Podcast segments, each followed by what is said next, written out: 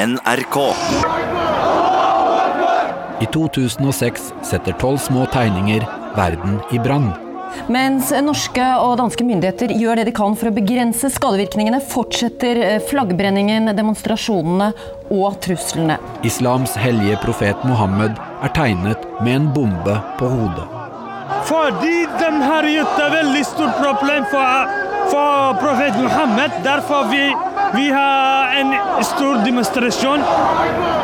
Avistegningene snur opp ned på livet til de som publiserer dem. Await your death. Vent på å dø. Du har uh, håna, krenka uh, islams profet. Vi skal drepe deg.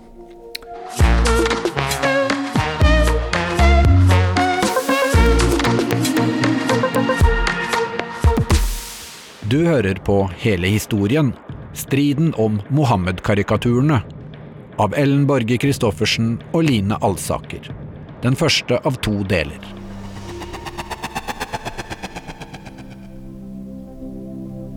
Karikaturtegninger er en slags vrengebilder.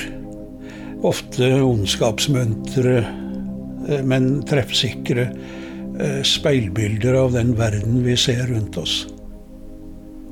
Dette er Per Edgar Kokkvold. I 2005 er han generalsekretær i Norsk Presseforbund. Kokkvold er opptatt av karikaturtegninger. Tegninger med provoserende humor. Og, og karikaturtegnerne, i hvert fall de, de, beste av dem, er eh, kunstnere som, som riktignok står på siden av virkeligheten, men som, som er virkeligere enn virkeligheten.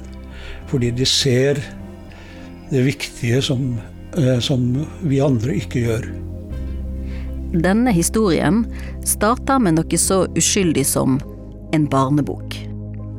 Høsten 2005 får nemlig en dansk forfatter ikke en eneste tegner til å illustrere sin siste barnebok om profeten Mohammed. Barnebokforfatteren lager stort oppstyr i media. Han mener at tegnerne er redde for hva som kan skje dersom de tegner islams hellige profet. Årsaken? I islam kan det bli regnet som krenkende å tegne eller avbilde profeten. Take two. Take two and two, one. This is as close as we can get to the base of the World Trade Center. You can see the firemen assembled here, the police officers, FBI agents, and you can see the two towers. A huge explosion now, raining debris on all of us. We better get out of the way! Ved starten av 2000-tallet sjokkerer flere store terrorangrep Vesten. Her rapporterer ABC News fra angrepet på World Trade Center i New York 11.9.2001. Det er terrorgruppen Al Qaida med sin leder Osama bin Laden som tar på seg skylden for angrepene.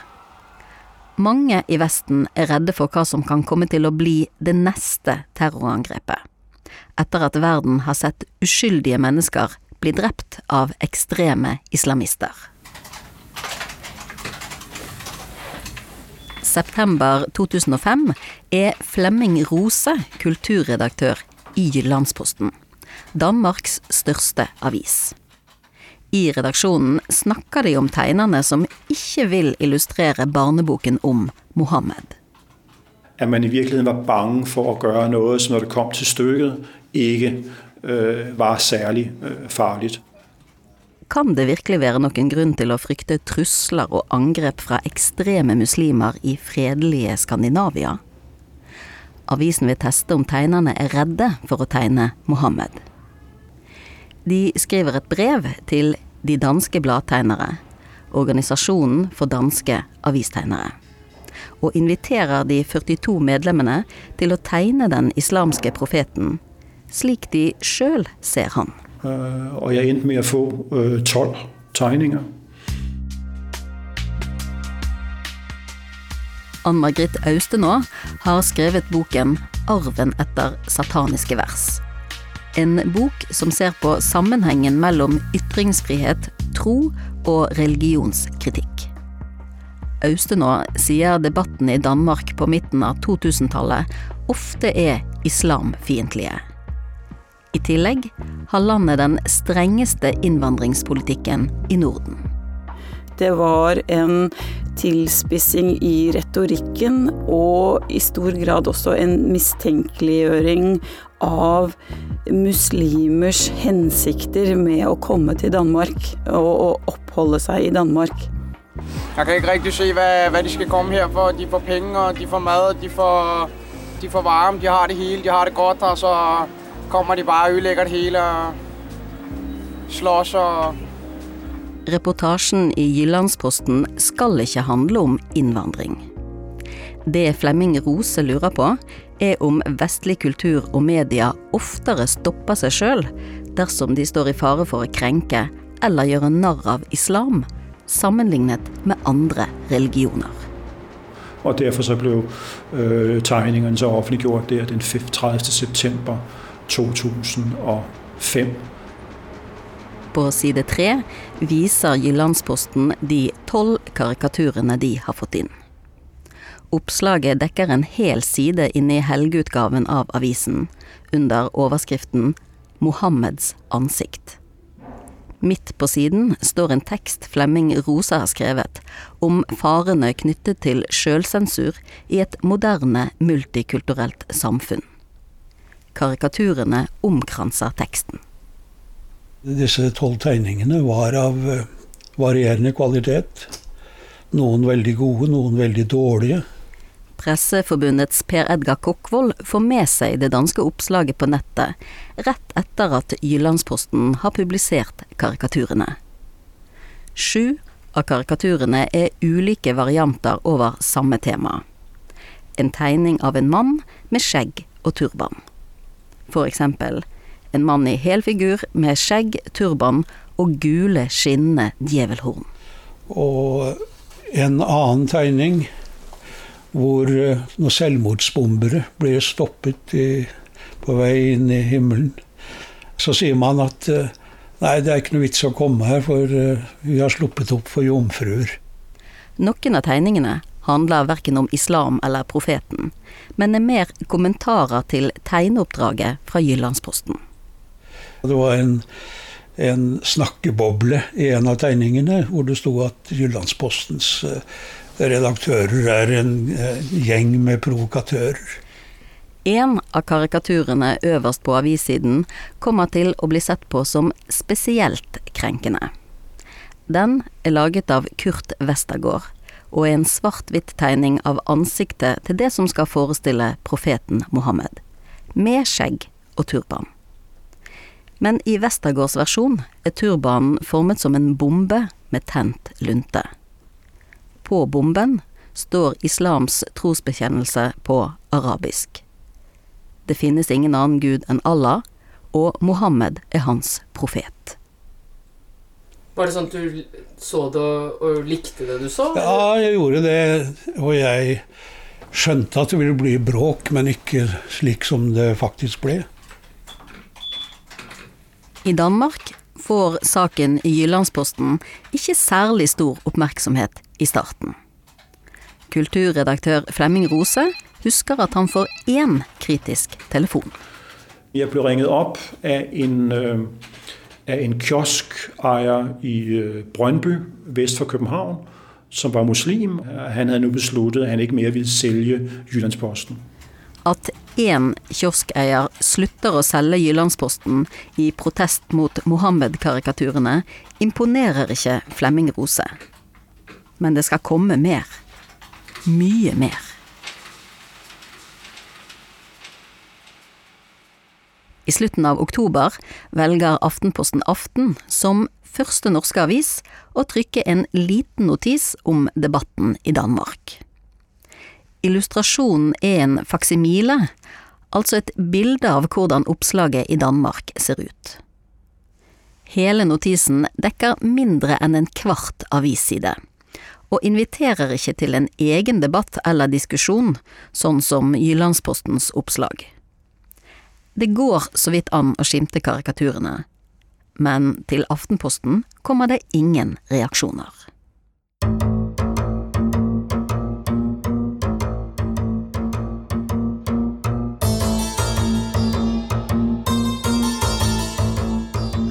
Det som fra utsiden kan virke som blaff av irritasjon over karikaturene, vokser. Og flammer etter hvert opp til store bål av sinne. Forfatter Ann Margrit Austenaa. Først så tok jo noen muslimer kontakt med ambassadører for eh, stater som i hovedsak er islamske, eller som definerer seg som islamske stater.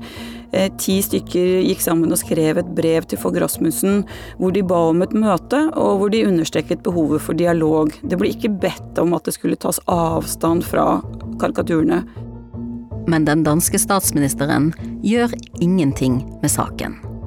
Og det tar lang tid før han svarer på brevet. Da Fogg Rasmussen endelig svarer, inviterer han ikke til dialog, som er det ambassadørene ber om. Til slutt så gikk han ut og presenterte brevet fra ambassadørene, og samtidig eh, sitt eh, fundamentale forsvar for ytringsfrihet. Altså han gjorde det til en veldig sånn demonstrasjonssak for ytringsfrihet. Frustrerte over mangelen på respons fra danske myndigheter, går en liten gruppe radikale imamer til et drastisk skritt. De samler inn ekstra bilder og materiale for å øke oppmerksomheten rundt de danske karikaturene.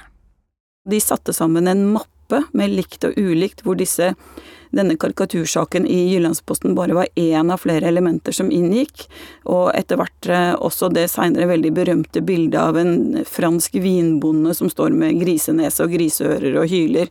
Bildet av han ble også presentert som at dette var reportasjestoff fra Jyllandsposten og, og andre danske medier. Bildet av mannen med griseører og grisetryne er hentet fra en lokal festival i Frankrike der det hvert år arrangeres en grisehylekonkurranse. Denne konkurransen har ingen sammenheng med de danske karikaturene, og heller ikke med islam.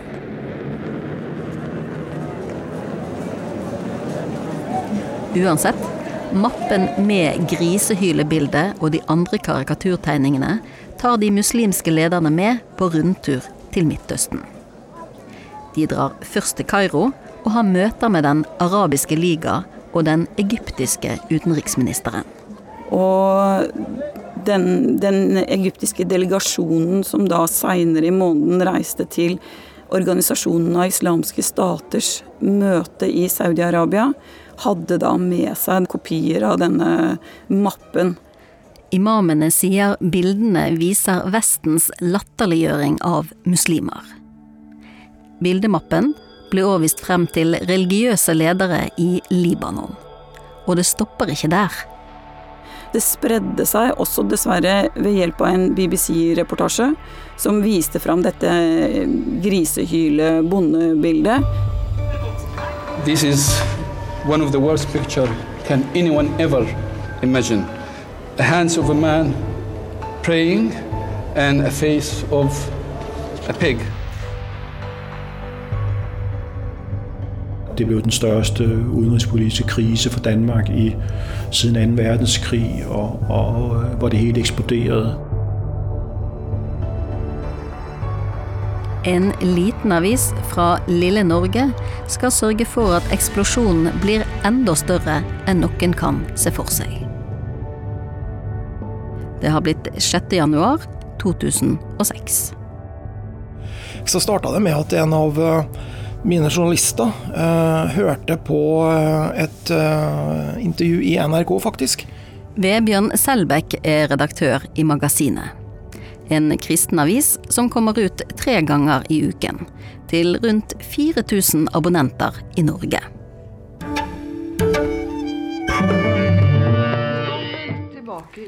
Denne dagen står NRK P2 på i bakgrunnen i magasinets lokaler. Eh, kulturprogram i NRK på morgenen der, eh, med intervju med Finn Graff. Som drev og snakka om sine um, grenser for hva han kunne tegne og, og ikke tegne. Det er Norges kanskje mest kjente karikaturtegner Finn Graff som blir intervjuet i forbindelse med debatten som stadig ruller i Danmark om det å tegne profeten. Graff skjønner at danske kolleger er redde for å tegne og karikere Mohammed, etter at det har vært flere terroranslag utført av ekstreme islamister i Europa de siste årene. Det er jo tabu det, i, i muslimske kretser å, å, prøve å tegne et ansikt av Muhammed. Grunnen er jo den at uh, den sivilisasjonen der er uh, innstilt på å kappe huet av deg, altså istedenfor å snakke med deg. ikke sant? Ja, Så det du sier er at du, du vil være redd for livet ditt, eller noe sånt? Ja, det må man bare eh, beklage å si, altså. At sånn er det. Så du lar da en religion bestemme hva du skal, hvordan du skal uttrykke deg eh, kunstnerisk? Ja, altså det er det de har eh, da tvunget oss til å gjøre, da. Så, så enkelt er det. Vebjørn Selbekk blir veldig interessert i det kollegaen har hørt på radio. Så jeg ba journalisten om han ikke kunne ringe opp Graff og få han til å utdype sine uh, følelser og tanker rundt dette her. Selbekk vil lage et større oppslag om ytringsfrihet basert på debatten i Danmark, men med en norsk vri. Og journalisten ringte også kontakta andre karikaturtegnere, bl.a. Morten M., som da var VGs eh, karikaturtegner. Selbekk tar kontakt med Jyllandsposten og får tilsendt bilde av de tolv danske karikaturene. De vil han bruke som illustrasjon, men han har betenkeligheter. Det er ikke alle avgjørelser i en avisredaksjon som, eh, som er gjenstand for nøye, lang, lange overveielser. Ofte så tas det i løpet av, eh, av, sekunder, og så får man eh, forsvare det man har gjort etterpå. Men trykkinga av faksimilen av Muhammed-tegningene eh, var ikke en sånn eh, rask avgjørelse. Det, vi utsatte faktisk publiseringa i noen dager eh, for å vurdere de, de tingene her, rett og slett. Første gang var det noen journalister da, som ringte meg, og da tenkte jeg nå ringer journalister for å spørre om id. Helt sikkert id-sak, ikke sant?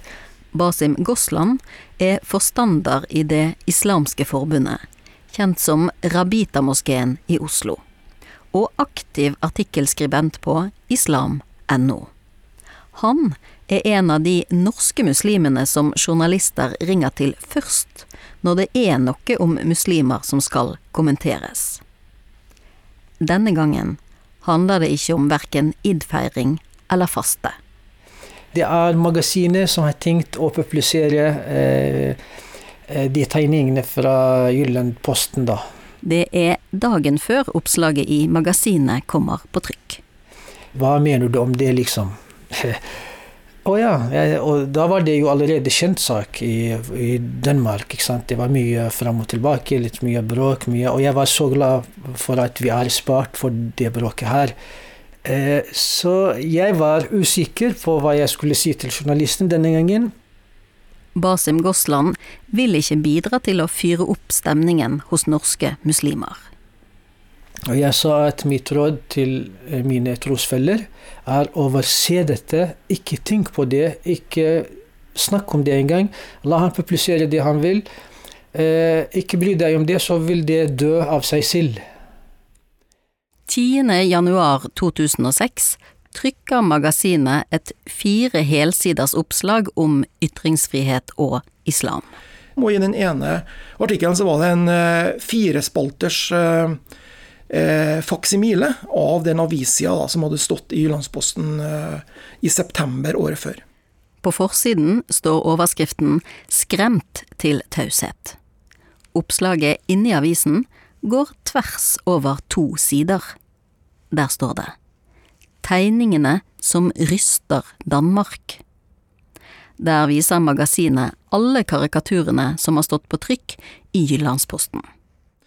Vi, vi eh, trodde det kunne bli noe debatt, selvfølgelig, men ikke det, det enorme ragnarokket som, eh, som, som det ble.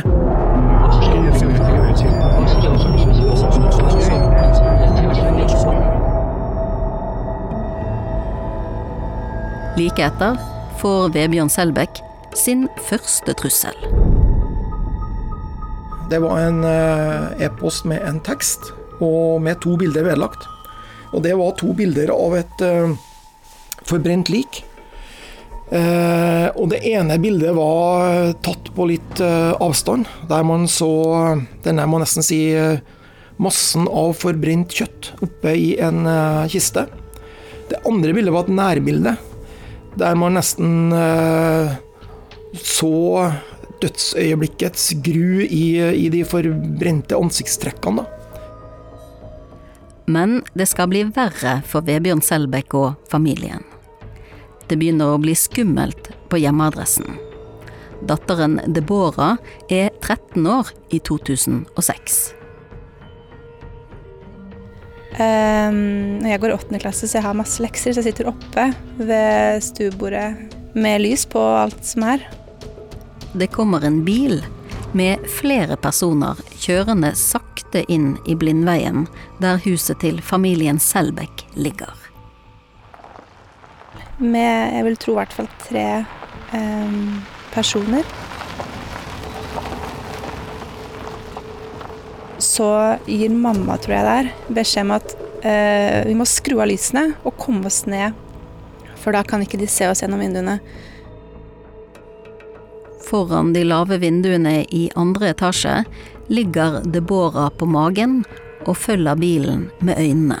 De kjører raskt forbi husene eh, som leder til vårt hus, så stopper de nesten og kjører sakte de kanskje ti meterne der forbi huset vårt. Fra nedrullete bilruter i januarkulden stirrer mennene i bilen opp mot huset. Deborah ser at de ser henne. Foreldrene blir redde og bestemmer seg for at de må vekk. Jeg må løpe ned. Jeg må pakke, pakke en liten veske. 13 år gamle Deborah har vært nøye opptatt av hva hun skal ha på seg når de skal øve pardans til skoleballet i gymtimen dagen etter. Nå røsker hun med seg de første og beste klærne hun finner i mørket. Og jeg tror til og med sikkert det var skitne klær også. Jeg tok med bare det som lå tilgjengelig. Eh, og så må vi bare komme oss ut så fort som mulig. Familien kjører til et hotell i nærheten.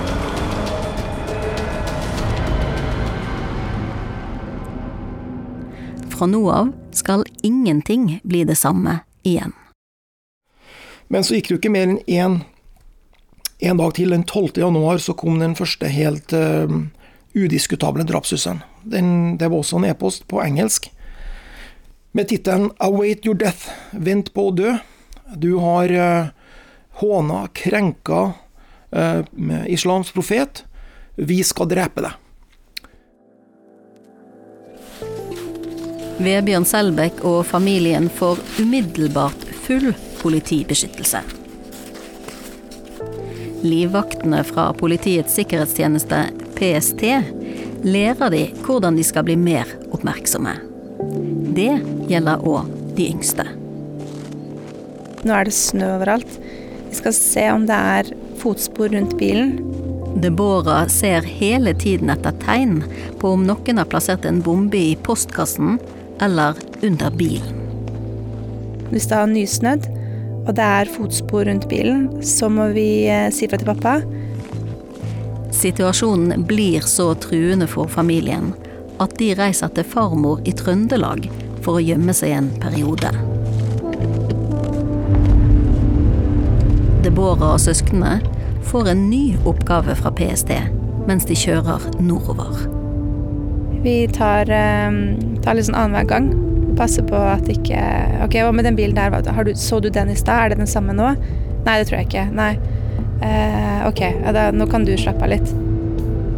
De snur seg på skift og følger med på om noen følger etter dem. På motorveien så er jo det litt sånn Da byttes det jo biler hele tida. Um, men det er mer når vi kommer og tar av um, og begynner å kjøre oppover i bygda, og, og sånn at de passer på at det ikke har vært samme bil. PST har forklart at hvis samme bil følger etter i et visst antall avkjørsler, så må de si ifra. Så dette med å se bak oss, det var viktigst i første, den første timen, kanskje. Ut fra Østlandet og sånn, og oppover derfra. Så, så, ser vi at okay, hvis ikke de har fulgt etter oss fra starten, så hopper de ikke inn nå. Nå er vi såpass skjult.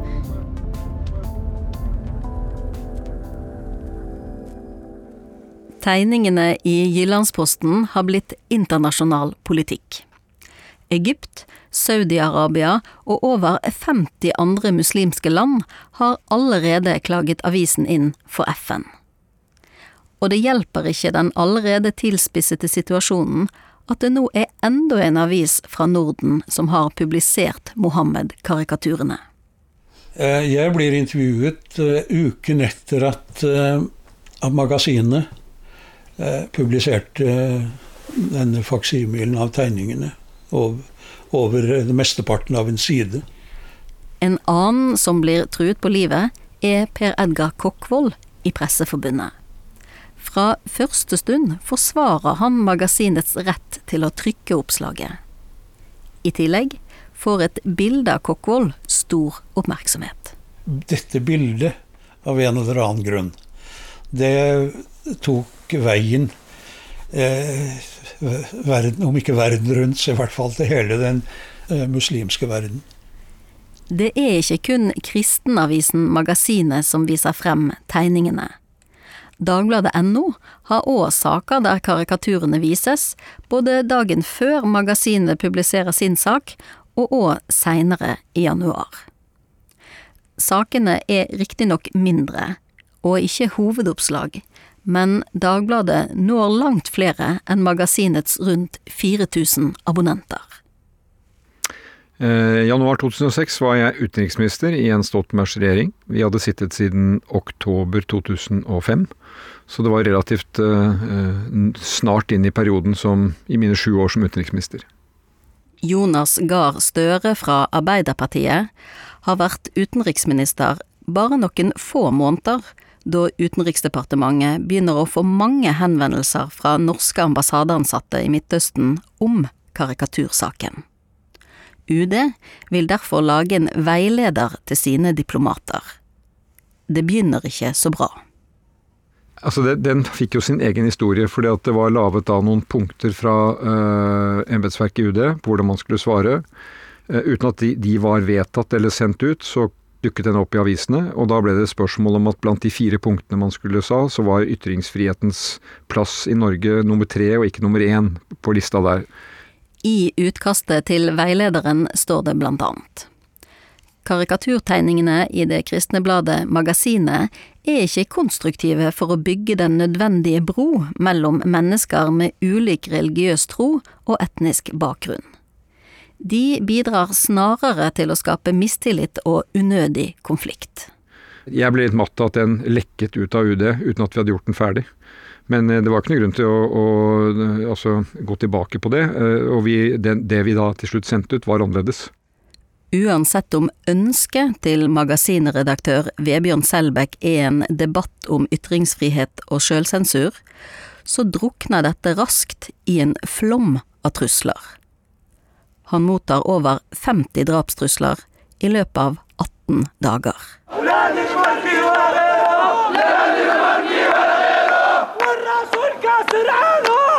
Det er mandag 30. januar. I Gaza er stemningen så dårlig at nordiske borgere må evakueres pga. karikaturtegningene. Byen Ramallah på Vestbredden i kveld. Tilhengere av Hamas viser sin avsky etter at norske og danske aviser har trykt tegninger som de oppfatter som blasfemiske. De roper 'Gud er stor' og 'Mohammed er den eneste profeten'. Det har gått fire måneder etter at karikaturene først sto på trykk i Jyllandsposten, og nesten tre uker siden norske magasinet kom med sin artikkel. Muslimer brenner det danske flagget i protest mot Jyllandsposten sine tegninger av profeten Mohammed. De militante gruppene Islamsk jihad og Al-Aqsa-brigaden gir skandinaviske borgere 48 timer på å komme seg ut av landet.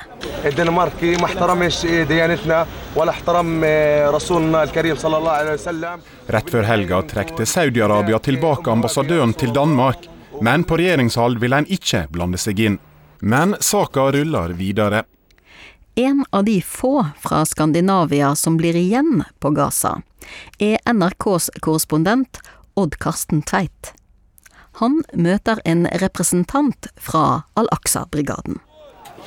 I et avlåst rom, nesten uten møbler, møtte vi en av lederne for Martyrbrigaden på Gazastripen. Omgitt av tause livvakter forsøkte palestinerne å forklare hvorfor de krever at alle skandinaver, særlig de fra Danmark, må forlate Gazastripen og Vestbredden. Lederen har en svart hette over hodet. På hetten er det arabisk skrift. Hetten dekker hele ansiktet, til og med øynene. Ja, Odd Karsten Tveit, du er med oss fra Gaza. Hvorfor vekker disse karikaturtegningene av Mohammed så sterke reaksjoner? Nettopp fordi de er støtende og de føler at de er urettferdig å sende slike tegninger, fordi profeten Muhammad er hellig for muslimer. Og karikaturtegninger av profeten Muhammad, det blir de sørgelig sinte over å se og høre om. Vi har altså sett at norske flagg er blitt brent i dag. Hvor mange er det som står bak disse aksjonene? Det er en liten gruppe fra Al-Aqsa-brigaden som da er tilknyttet Al-Fatah, som står bak. Og En skal også ha i mente at det var eh, arabiske TV-stasjoner som laget eh, reportasje om dette, som har gjort at det har kommet mer i fokus nå enn tidligere.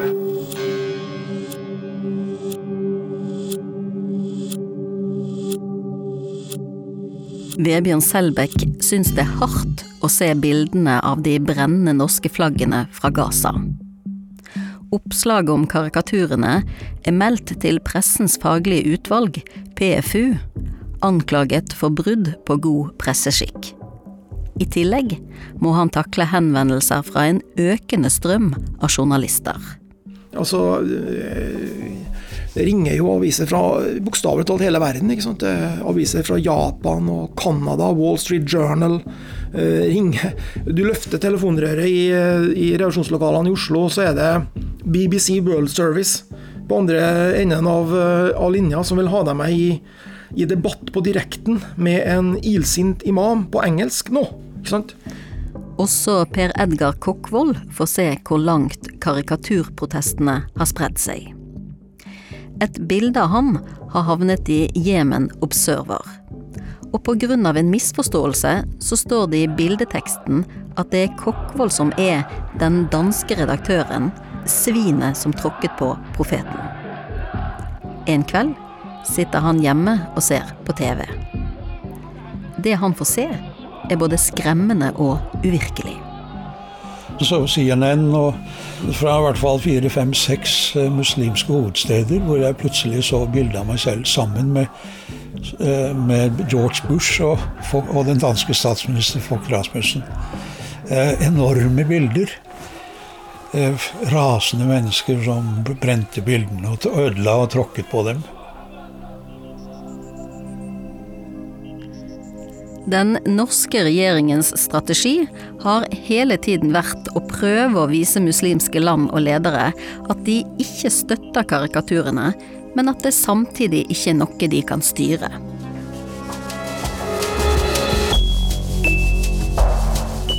God kveld og velkommen til Standpunkt. Det koker i den muslimske verden fordi to skandinaviske aviser har trykket karikaturtegninger av profeten Muhammed. Mens norske og danske myndigheter gjør det de kan for å begrense skadevirkningene, fortsetter flaggbrenningen Utenriksministeren er en av gjestene i studio. Ingen toneangivende norske medier har trykket dette, fordi redaktøren har brukt sitt hode og brukt sitt skjønn. De har ikke på noen måte sagt at de beklager at denne avisen har brukt sin ytring, ytringsfrihet. Det er en veldig viktig nyanse. Men vi har gitt uttrykk for en forståelse for at folk har opplevd seg krenket, og det mener jeg vi må ta inn over oss i det flerkulturelle samfunnet vi lever i. Men et veldig enkelt bilde. Problemet er bare at det Støre sier, ikke stemmer helt. Det utenriksministeren kaller toneangivende medier, har trykket bildene, men uten at det ble samme reaksjon som da magasinet trykket de. Magasinet er en avis Jonas Gahr Støre ikke har hørt mye om tidligere. Jeg visste lite om den. Jeg visste jo at det var en avis i det kristne landskapet. Eh, og så visste jeg jo også det at karikaturene hadde vært trykket i faksimile, tror jeg, i Dagbladet og Aftenpostens aftenutgave på høsten da det ble en sak i Danmark. Men det hadde jo ikke blitt noe sak i Norge. Eh, så det var jo da de ble slått stort opp der at det ble en sak i Norge. Og det reiste jo spørsmål om redaktørenes eh, ansvar, og det var jeg tydelig på hele veien, at redaktørene har frihet og ansvar til for hva de trykker. Ingen tvil om det, og det sa jeg i alle andre sammenhenger òg. Men det som ble den skarpe situasjonen, var jo at mange der ute stilte spørsmål ved om dette var den norske regjeringens syn.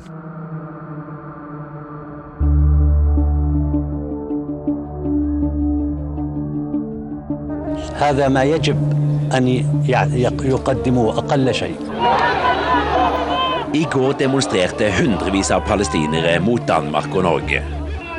Bilder av den danske statsministeren ble satt i brann. Og ifølge stormuftien av Jerusalem var det den danske statsministerens manglende reaksjon tidligere som utviklet krisen. Men hva gjør redaktørene i de toneangivende mediene? Vil de støtte Vebjørn Selbekk og magasinet? Vinteren 2006 er Tor Gjermund Eriksen sjefredaktør i Dagbladet. Eh, jeg husker dette som en tid hvor med mye tvil og tro, og der telefonene gikk eh, dag og natt mellom redaktører. Eh, ja, helt konkret var det sånn Hva gjør du nå? og det endte jo med det endte jo med at norske medier gjorde litt forskjellig. VG gjorde det annerledes enn Dagbladet. Aftenposten uh, hadde jo riktignok publisert den faksimile tidligst av alle, men da var det vel ingen som tenkte på den videre problemstillingen. Og da er det jo en avveining mellom et prinsipielt ønske om å markere ytringsfriheten og rett og slett en avveining av at man kunne sette i gang ting eh, som hadde gått utover andre. Verken Aftenposten eller Dagbladet ønsker å gjøre noe mer ut av at de har trykket tegningene. Og de vil heller ikke gjøre det på nytt, etter hvert som situasjonen blir mer og mer skremmende. Skjøv dere på en måte disse prinsipielle eh, argumentene foran dere for å slippe å si at, eh, at frykt kunne være en årsak til at man ikke mobiliserte mer, tror du? Ja, kanskje. Sett i ettertid så ser man jo at de uttalelsene som var fra, fra, meg og andre redaktører, aldri på en måte toucher uh, at vi gjør ikke dette fordi vi er redd for våre medarbeidere eller for oss selv. Altså at vi er redd for trusler. Samtidig som den norske debatten pågår, fortsetter det med store demonstrasjoner og trusler i Midtøsten. Utenriksminister Jonas Gahr Støre arbeider hardt for å prøve å forklare og snakke fornuft. Her på nyhetskanalen CNN. In my country we have a close dialogue with uh, Muslim um, leaders. We have it with Muslim groups, and we will also have that with representatives in other countries. Thank you for joining us.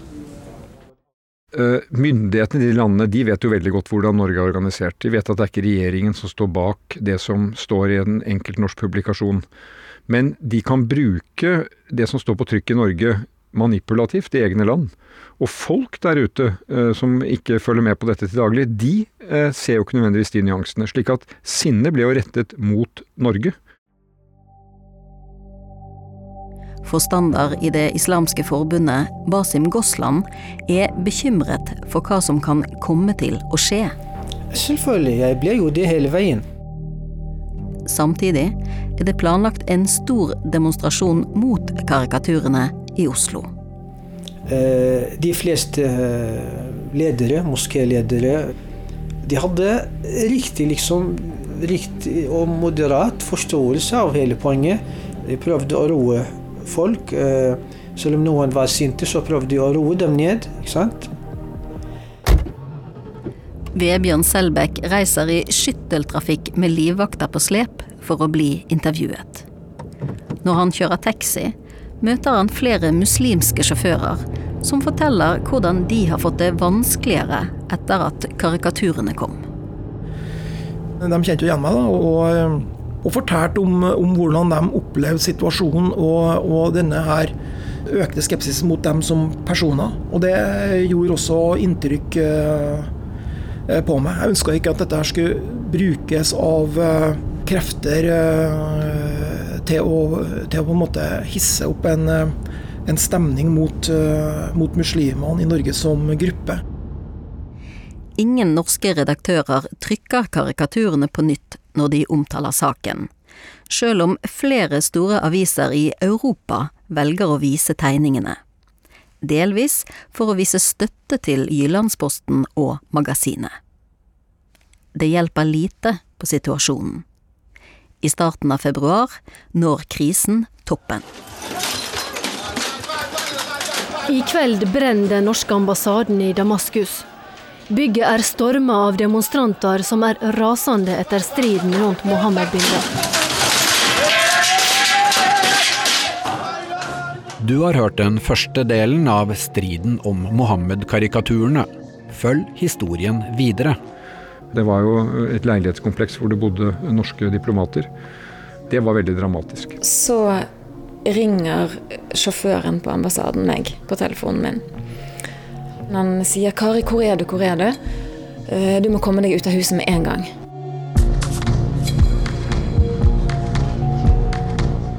Denne dokumentaren er laget av Ellen Borge Christoffersen og Line Alsaker. Researcher Nick Best, lyddesign Kjetil Hansen, produsent Kjetil Saugestad og redaktør Siril Heierdal. NRK.